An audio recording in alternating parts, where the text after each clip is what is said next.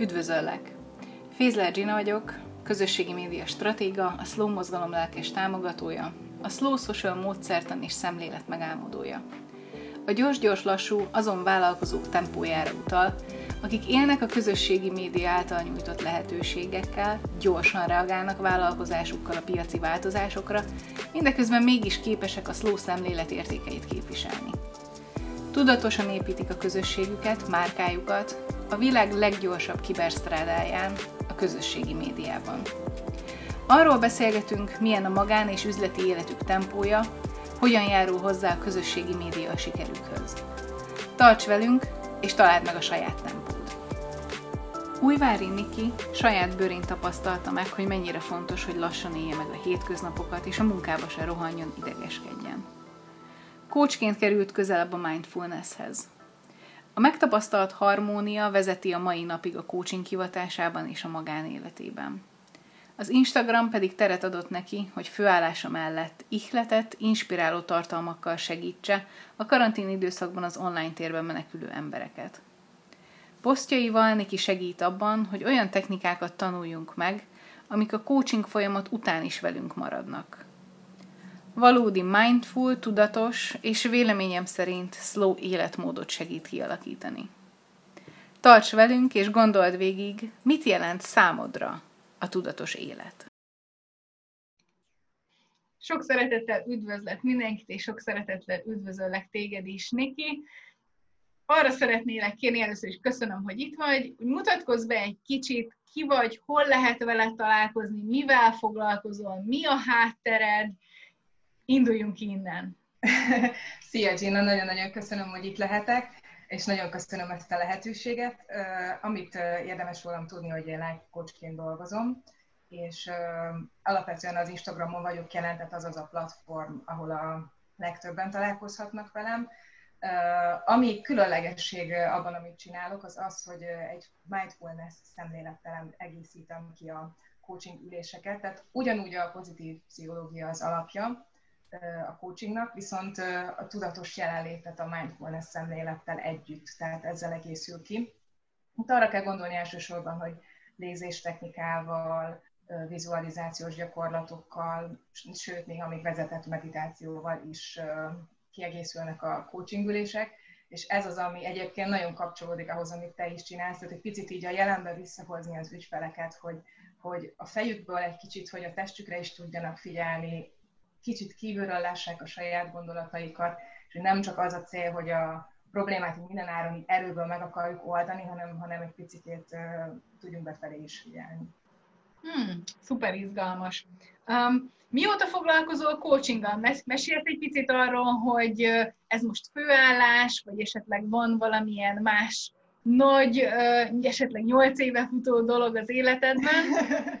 igen, igen, én másfél éve foglalkozom coachinggal, illetve azóta foglalkozom intenzíven. Előtte én ilyen mondjuk úgy műkedvelőként uh-huh. követtem néhány coachnak a, a munkásságát, és így a pozitív pszichológiával már kapcsolatba kerültem, de, de hogy ezzel a, ezzel a szemlélettel részletesebben másfél éve találkoztam, és akkor indultam el a tanfolyamok útján, lényegében ezen az úton, hogy én is, én magam is segítőként dolgozzak, és azóta is egyébként én a lifelong learningnek a híve vagyok, szóval én folyamatosan képzem magam, hogy mindig tanulok valamit ezen a területen, hogy, hogy saját magamat is fejleszem ezáltal, illetve hogy még többet tudjak adni a hozzám fordulóknak is. És amivel én egyébként eredetileg foglalkozom, ami az én fő foglalkozásom, az a fordítás. Uh-huh. Én erről a, erről a területről érkeztem.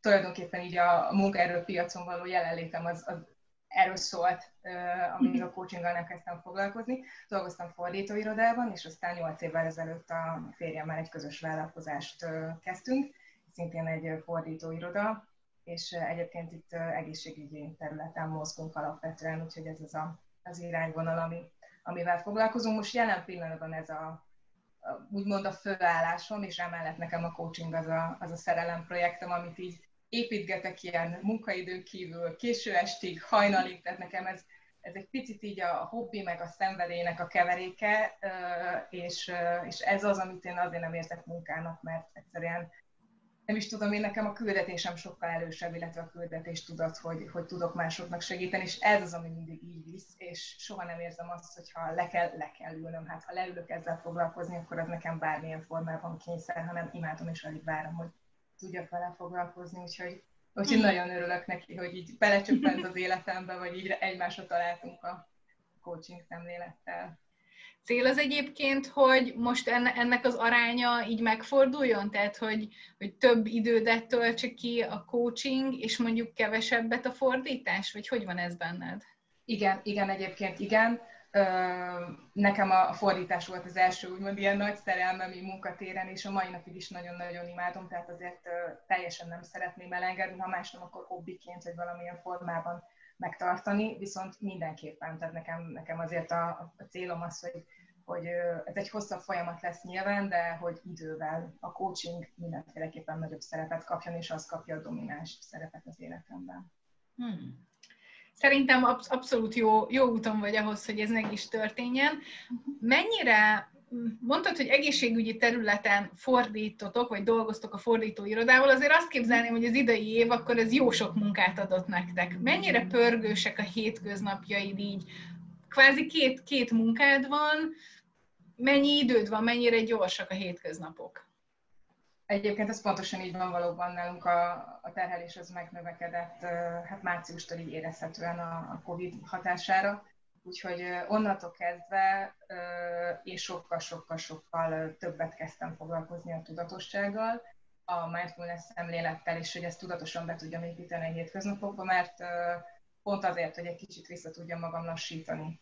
És szükségem volt olyan eszközökre, amiket tudok a mindennapokban használni, hogy, hogy, hogy ne egy ilyen idegölcsbe éljem a napokat, és hogy úristen egyik projekt után a másik projekt, és még kéne ezzel is foglalkozni, meg azzal is foglalkozni, és semmire nincs időm, és vár, és pontosan ebben segített nekem a, a mindfulness, illetve az, hogy, hogy, hogy megtanultam befelé figyelni, és gyakorlatilag bármilyen helyzetben most már meg tudom azt csinálni, hogy, hogy egy picit lelassulok, veszek néhány mély levegőt, és elkezdek egy kicsit a testérzetekre figyelni például, vagy hogy mi van körülöttem, tehát hogy kijön egy kicsit abból a, abból a, ami, ami a környezetből jön, ez a rengeteg sok információ, meg inger, és ebből egy kicsit így visszahúzódni a, hát mondjuk így a saját csigaházamba egy néhány pillanatra, és egy kicsit így abból erőt meríteni.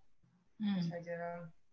Tehát akkor haladtok, haladtok gyorsan, de azért vannak ilyen lassi, lassító uh, eszközök, amikke, amiket uh, magadhoz szoktál hívni. Igen, abszolút, és uh, régen például uh, képes voltam arra is, hogy egy egy munkanapot végig toljak ilyen minimális szünettel, meg, a, meg az asztalnál lettem, meg hasonlók, és például most erre is sokkal jobban figyelek, hogy nem biztos, hogy attól leszek produktív, hogy én letolok mondjuk egy 8-10 órás munkanapot, hát mondjuk úgy néhány apró kis szünettel a mellékhelyiség irányába, de egyébként végigülöm gyakorlatilag az egészet.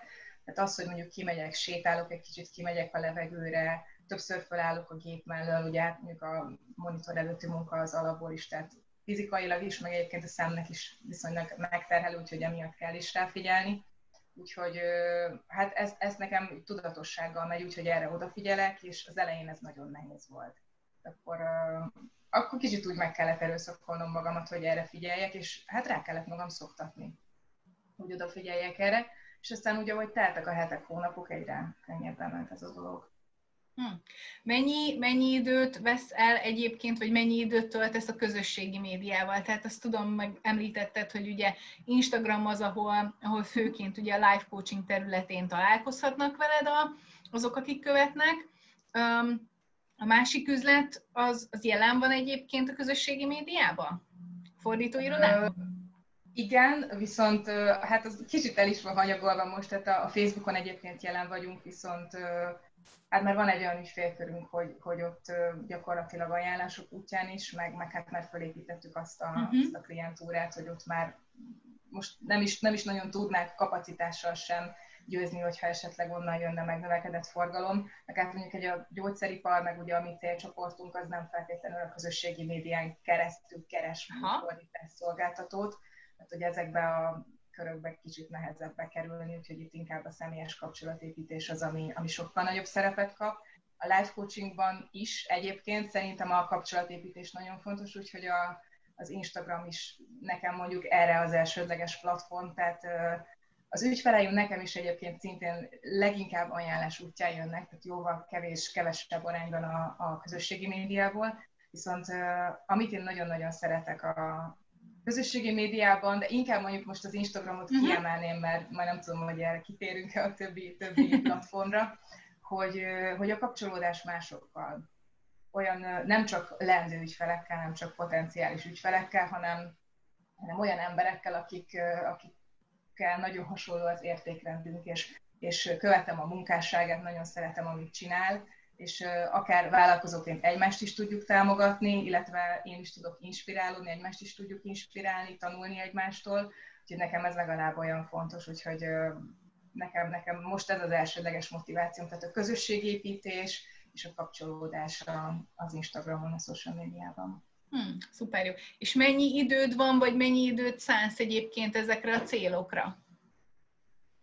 Igen, az előző kérdésre, de lehet nem is válaszoltam azt, hogy mennyi időt töltök a social médiában. Körülbelül van egyébként a, nekem az Instagramon beállítva egy, most tudom, az alkalmazáson bele, belül be lehet állítani, hogy mennyi időt uh-huh. töltök, és figyelmeztet, hogyha az az idő lejár, és ez nekem körülbelül fél óra, tehát fél Aha. óra szokott lenni.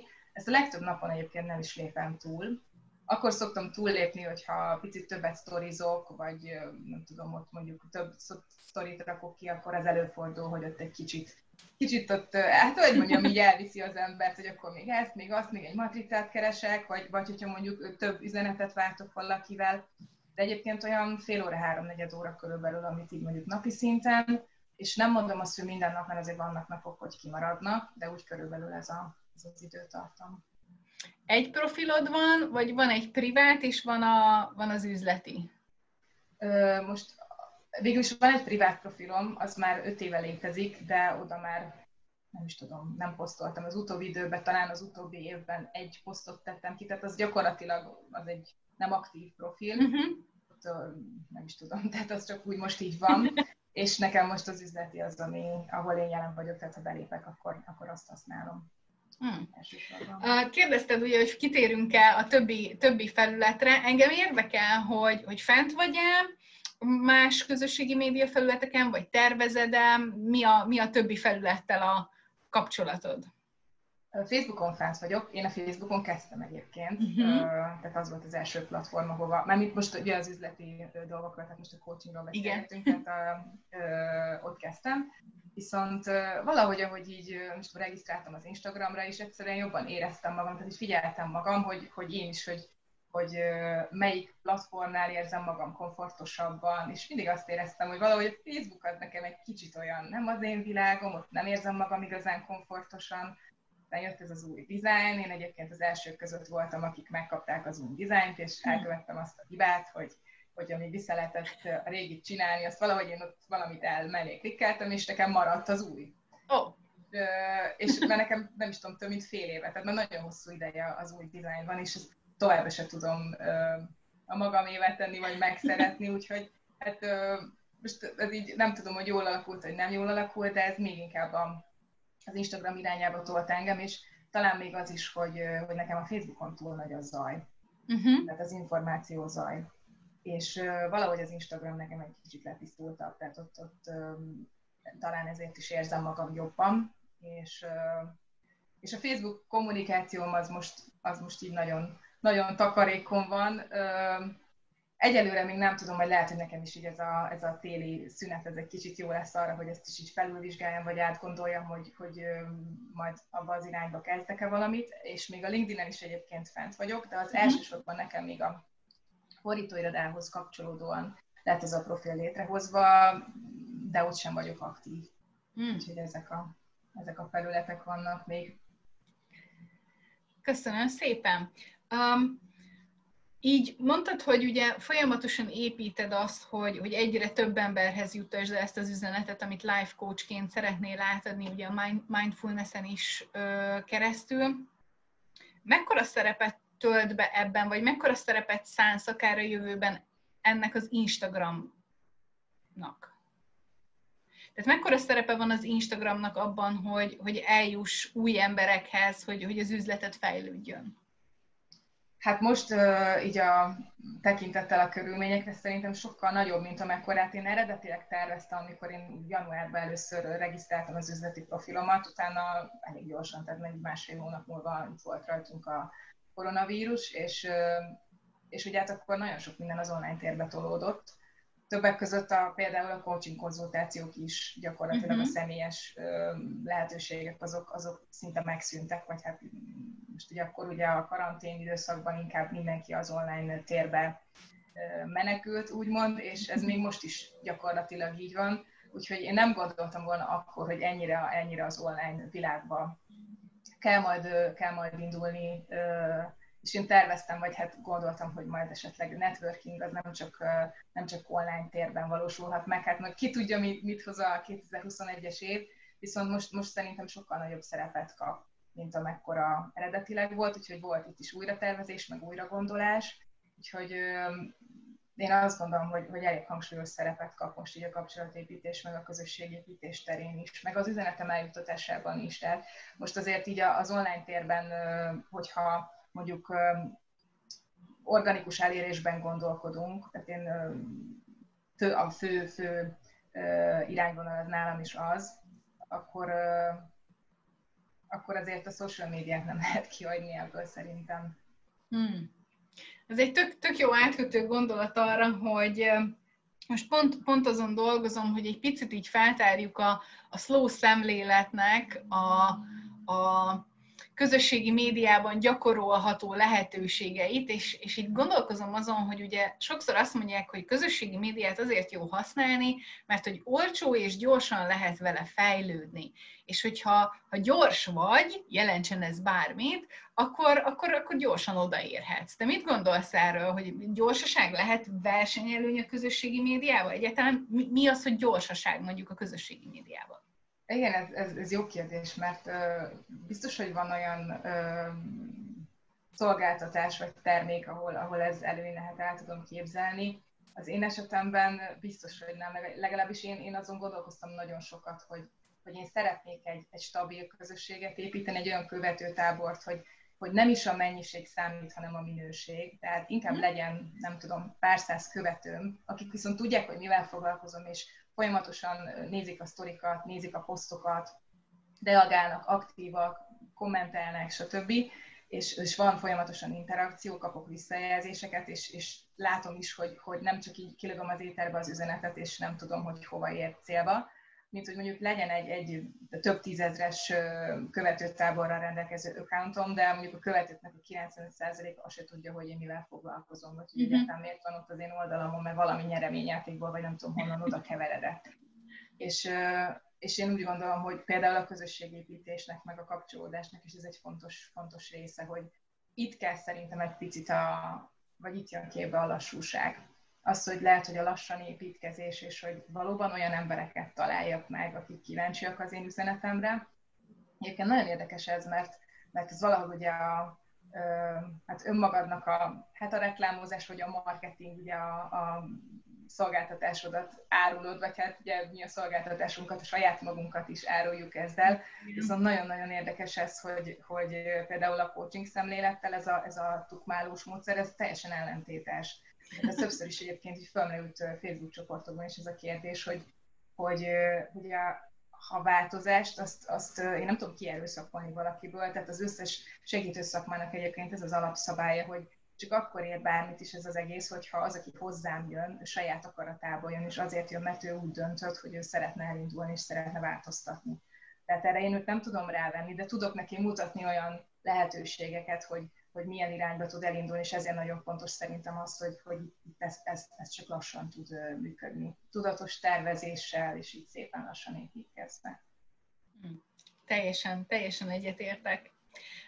Miki, 2021-ben van-e bármi olyan újdonság, vagy valami olyan hír vagy üzenet, amit a minket hallgatóknak így átadnál, mivel kapcsolatban kereshetnek téged?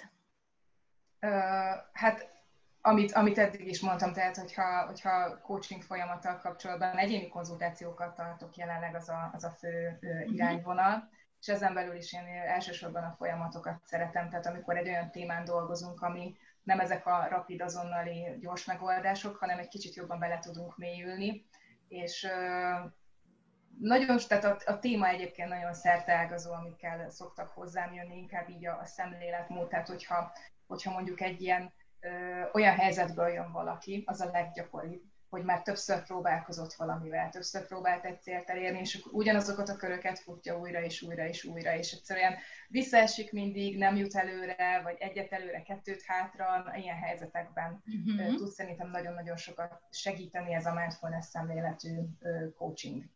És ez gyakorlatilag úgy van felépítve, lehet én úgy, úgy építem fel ezeket a folyamatokat, hogy hogy később olyan technikákat, meg olyan gyakorlatokat is megtanulunk, amivel később is majd fog menni az, hogy a szokásokat hogyan tudja, a bevezetett szokásokat például továbbvinni az életében. Legyenek olyan eszközei arra, hogy, hogy, hogy ezt később is be tudja építeni, és tudja őket használni. Tehát, hogy ne, ne legyen teljesen úgy, úgymond kilökve és magára hagyva, hanem utána így, megerősödve tudja, tudja folytatni. Úgyhogy a 2021-es évben továbbra is lesznek majd egyéni konzultációk, illetve egy, egy e-book van tervben, de hm. erről még, erről még nagyon-nagyon sok részletet nem szeretnék, ez majd inkább szerintem az évnek a második felében várható. Köszönöm szépen, Niki, hogy itt voltál. Én is nagyon köszönöm. ezekről a témákról.